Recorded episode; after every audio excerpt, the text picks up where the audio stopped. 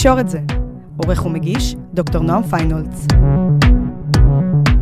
שלום לכם, אתם על הפודקאסט של המחלקה לתקשורת במכללת ספיר. בכל פרק אנחנו פוגשים כאן חוקרת או חוקר מהמחלקה ומציצים לשולחן העבודה שלהם. שיחה בגובה העיניים על חקר תקשורת. היום נמצאת איתנו דוקטור עינת לחובר, חוקרת מגדר ותקשורת. שלום עינת. שלום. אז את באמת חוקרת הרבה ומפרסמת הרבה, ובכל זאת כשניסינו לחשוב לאיזה מחקר ללכת, בחרנו ללכת אחורה. Mm-hmm. לדוקטורט, מחקר מלפני הרבה שנים, אבל להסתכל עליו בעיניים חדשות, חמושות, בוא נגיד, בכל התודעה של קמפיין מיטו. במילה, מה חקרת? Uh, המחקר עסק בכלל uh, במצבן של נשים עיתונאיות uh, בישראל, על ההבניה המגדרית של התחום. אבל אני חושבת שהיום רצינו לדבר באמת על ה... ספציפית על מערכת היחסים של עיתונאיות עם מקורות המידע שלהן. אני אשאל שאלה של הדיוט, אוקיי? אנחנו מדברים על הקשר בין עיתונאית לבין המקור שלה, מקור גבר בהקשר כן. הזה. בטוח שיש הבדל בין יחסים של עיתונאית ועיתונאי עם המקור הגבר? אני מודה שזה לא כל כך מעניין אותי לעשות את ההשוואות האלה. מעניין okay. אוקיי. אותי להסתכל על נשים, על נשים מסוימות, על גברים. אני לא רואה הכרח לעשות את ההשוואות. Uh, אני כן ראיינתי גם נשים וגם גברים עיתונאים, והנושא הזה של היחסים של עיתונאיות עם מקורות המידע היה מאוד מרכזי ברעיונות של הנשים, וזה לא עלה ברעיונות של גברים. אני חושבת שכן יש אישו גם אצל גברים היום. אה, בחלקם לפחות, אבל זה מאוד מאוד מרכזי בחוויה של נשים עיתונאיות, בעיקר נשים עיתונאיות צעירות, אבל גם אחרות. אז את מראיינת 32 עיתונאיות, אני מניח שלכל אחת יש את הסיפור שלה ואת כן. שיטות העבודה שלה, מה בכל זאת מצאת במשותף? לא בהכרח במשותף, אבל ראיתי שלהרבה מהן יש... אה, החוויה של מערכת היחסים שלהן עם המקורות זה עניין מאוד מרכזי בעבודה עיתונאית. אה, לצד דברים אחרים, אבל זה, זה היה עניין מאוד מרכזי. הם קודם כל מזהות בצורה מאוד חזקה את הסטריאוטיפים של גברים במרחב הזה, אבל גם מקורות ביחס אליהן, אם זה להיות ה... אה, אישה כאובייקט מיני, ואם זה להיות אה, הילדה הקטנה, ו... או האישה המכילה, הן מאוד מזהות את זה. וקוראות לזה בכל מיני שמות, אבל בו בזמן, מה שככה הפתיע אותי, שהן לא מזהות את עצמן כקורבנות ביחס לסטריאוטיפים האלה, ולדעתי כן עושות איזשהו מעשה פוליטי בהתמודדות עם הסטריאוטיפים האלה. זאת אומרת, המקורות לרוב מהמערכת הביטחונית והצבאית, כל מיני גברים עם כן. דרגות שאיתם הם מדברים, מתייחסים אליהם באופן לא מפתיע, לצערנו, באופן מפלה ומזלזל ומחפצן. כן. ואת אומרת, הן לא מרגישות חלשות, אלא מנצלות את זה כטקטיקה פוליטית, עיתונאית, מקצועית? כן, הן קודם כל מזהות את זה, יודעות לקרוא לזה בשם, לאפיין את זה, והן מספרות שהן אלה שבעצם שולטות בסיטואציה. הן מזהות אותה כסיטואציה פוליטית, אבל מנסות בעצם לעשות איזשהו היפוך שלה, על ידי זה שהן מחליטות האם להגיב או לא להגיב להערה. והם יגיבו בהתאם לצרכים שלהם, או בהתאם למצב רוח שלהם, או בהתאם לכל מיני שיקולים שהם בחלקם אה, שיקולים אה, מקצועיים ובחלקם אה, איזה שהם מאפיינים אישיים שלהם. יש כאלה שמעידות על זה שהן יכולות לעשות את זה רק בזירה המקצועית, לטובת המטרה המקצועית, ויש כאלה ש... ידגישו את העובדה שהן יכולות לעשות את זה אולי גם בחיים הפרטיים שלהן. אז אני חושבת שכל השיח הזה שלהן אה, מעיד על זה שיש פה באמת אה, הבנה מאוד ברורה של, של הסיטואציה, ובכל זאת אה, החלטה מודעת אה, להתמודד עם זה כך. ואת כותבת במחקר שלך על שתי טקטיקות מרכזיות, טקטיקת הפלירטוט וטקטיקת ההתיילדות, או טקטיקת הזור לי, כמו שאת קוראת כן. לזה. בואו נתחיל עם הפלירטוט. מה זה בעצם אומר מבחינה מקצועית, כעיתונאית שעומדת מול מקור ורוצה להוציא ממנו מידע? אה, אז זה באמת אומר שהעיתונאית מודעת אה, למתח המיני שיכול להיות קיים או קיים בינה לבין המקור, והיא מחליטה שהיא, או שהיא לא מפיגה את המתח הזה, או שהיא אפילו עושה בו שימוש יותר ככה אה, ישיר. אני יכולה ככה להביא דוגמה, אה, איזשהו ציטוט של עיתונאית ש... כמובן בשם בדוי, נקרא לה גל. אוקיי. Okay. אה, למיטב זיכרוני עיתונאית במקומון. אה, היא אומרת ככה, אף אחד לא נמצא בלשכת ראש העיר בתדירות כמו שאני נמצאת. אני מגיעה למסיבת העיתונאים, הוא לוחץ לי את היד, מציע לי עוגה, מכין לי קפה, מלווה אותי במעלית החוצה. יש יתרון בלהיות אישה אטרקטיבית, זה משהו שאין לגבר. אני זוכה לליווי למעלית ויכולה להוציא עוד כל מיני דברים אחרים שהוא לא דיבר שם. היא מתכוונת למסיבת העיתונאים, עם אף אחד. זאת אומרת, בגלל הקשר הכאילו בלתי אמצעי, הוא ילווה אותה למעלית, הוא מסיבותיו, הוא נניח, כן. היא תוציא ממנו עוד מידע שהוא לא אמר במסיבת העיתונאים. כן. והיא שלמה עם זה. כן, לפחות העיתונאיות ש... שהיו גלויות ודיווחו על זה, זה כנראה גם עיתונאיות שכן הקדישו לזה מחשבה, גם אם לא מוקדמת, אבל זה תוך כדי הרעיון, והן בהחלט אה, מזהות את זה כאיזושהי, הם יגידו אסטרטגיה, אני אולי אקרא לזה טקטיקה, כי אסטרטגיה לדעתי שמורה לחזקים שיכולים לתכנן, אה, למי שיש כוח ויכול לתכנן, וטקטיקה זה יותר למי שצריכה לשרוד בתוך הסיטואציה. אז הן מזהות את זה כטקטיקה לגיטימית, אה, כשם שלגברים יש את הטקטיקות שלהם, אז נשים בתוך כללי המשחק האלה צריכות להשתמש ה... בארגז הכלים שלהן. עכשיו תראה, הסיפור הזה שלו ילווה אותה למעלית זה קטן, אבל זה משפיע גם על סוג של שפה מיוחדת, חשיפה של פרטים אישיים, אולי אפילו לבוש פלרטטני בהנחה כן. שיש דבר כזה? כן, אבל חשוב לציין שזה משחק שבעצם כל הסביבה העיתונאית... אה, אה, משחקת אותו. גם עיתונאיות, למשל, סיפרו על אורחים, גברים שאמרו להן, אה, מחר כשאת הולכת לראיון, אז תלבשי את החצאית של היום את לובשת.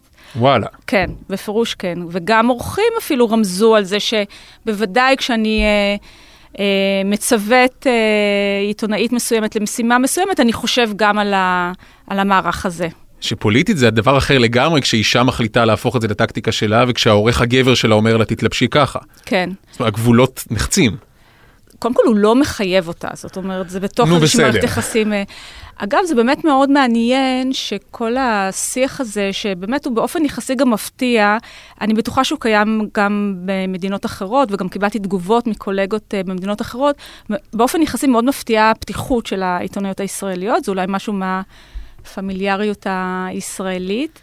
עכשיו תכף נסתכל על כל הסיפור הזה, כאמור, שנים אחר כך עם הסיפור של מיטו, כן. אבל לפני זה הזכרנו גם את טקטיקת, לא הפלירטוט, אלא ההתיילדות או העזור לי. מה זה אומר? את משחקת אותה העיתונאית התמימה שלא יודעת? כן, משהו כזה. העיתונאיות מזהות את העובדה ש... שלגברים אה, קל להניח שהן אה, ילדות תמימות ו... והם מבקשים אה, לעזור להן, סוג של אלמה במצוקה. והן עושות בזה שימוש. אז uh, עוד דוגמה באמת uh, של עיתונאית אחרת, uh, היא אומרת, uh, אני יכולה לומר לך שככתבת השתמשתי במידה מסוימת בנשיות שלי, זה היה לגיטימי בעיניי. כי היו דברים אחרים שלא יכולתי לעשות, לא יכולתי לשבת איתם ולהפליץ איתם ביחד במילואים, אז הייתי צריכה להשתמש במשהו אחר. אני לא יכולה להגיד שאני ממש אהבתי את זה, עצמתי עיניים, לקחתי כדור נגד בחילה. אוקיי. Okay.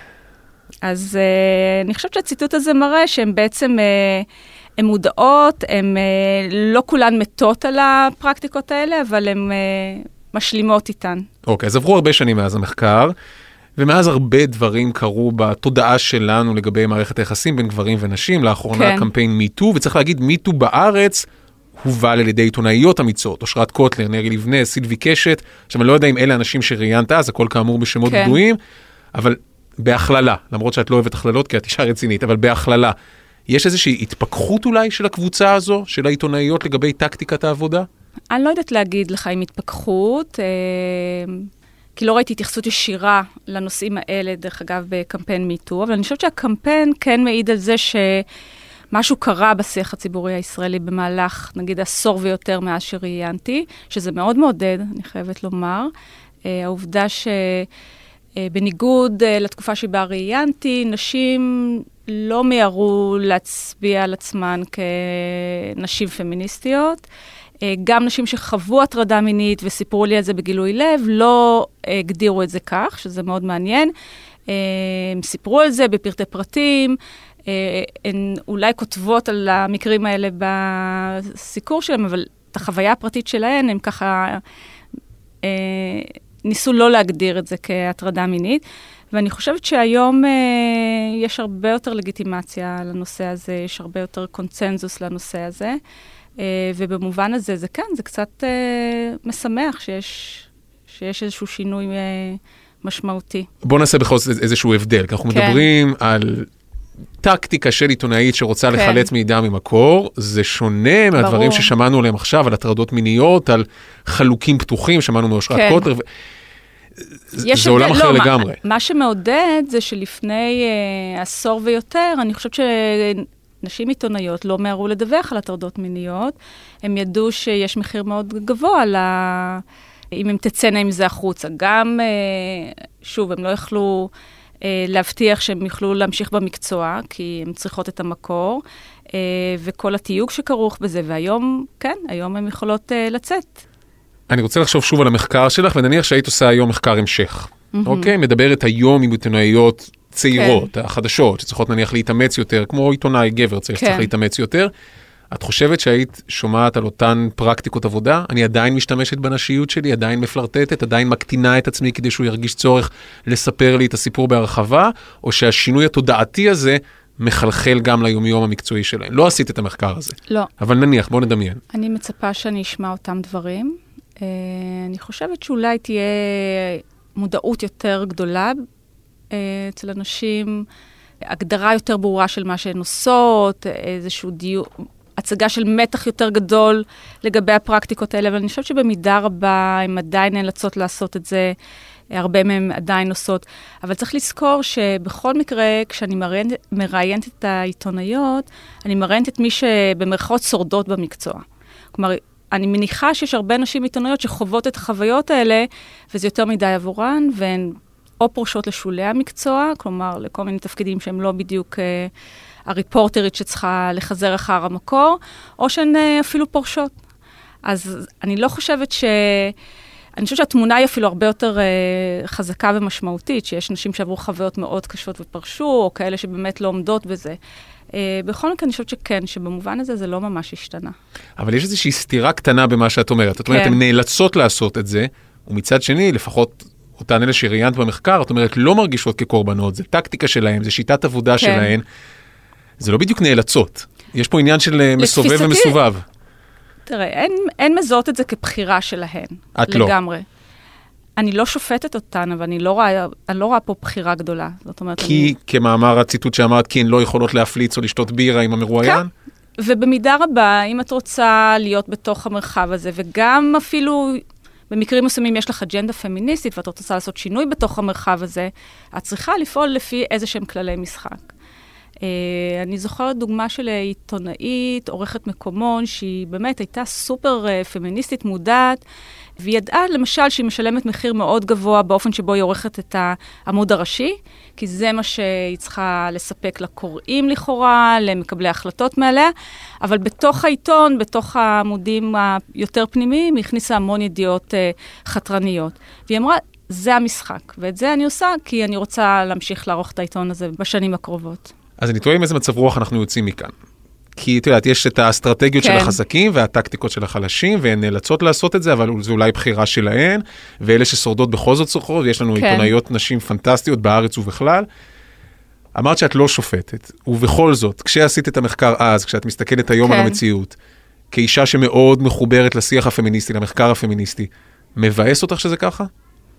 מרגיז אותי, כן, אני עוד uh, פמיניסטית כועסת, uh, אבל בסך הכל אני די אופטימית, אני חייבת לומר. אני חושבת שכן, uh, הדור הצעיר של uh, עיתונאיות, הן באמת אולי לוקחות את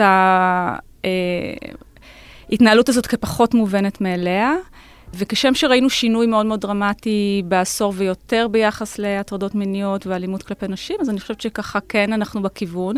בעיקר גם סביב העובדה שאנחנו רואים אה, הרבה נשים אקטיביסטיות בתחום, דווקא בתוך השדה העיתונאי, תא עיתונאיות או עיתונאיות אחרות, אז אה, אני בעד אופטימיות. דוקטור עינת לחובר עם מחקר שמעניין לקרוא אותו שוב היום לאור כל השינויים בתודעה. תודה רבה. תודה לך. תקשורת זה. עורך ומגיש, דוקטור נועם פיינולץ.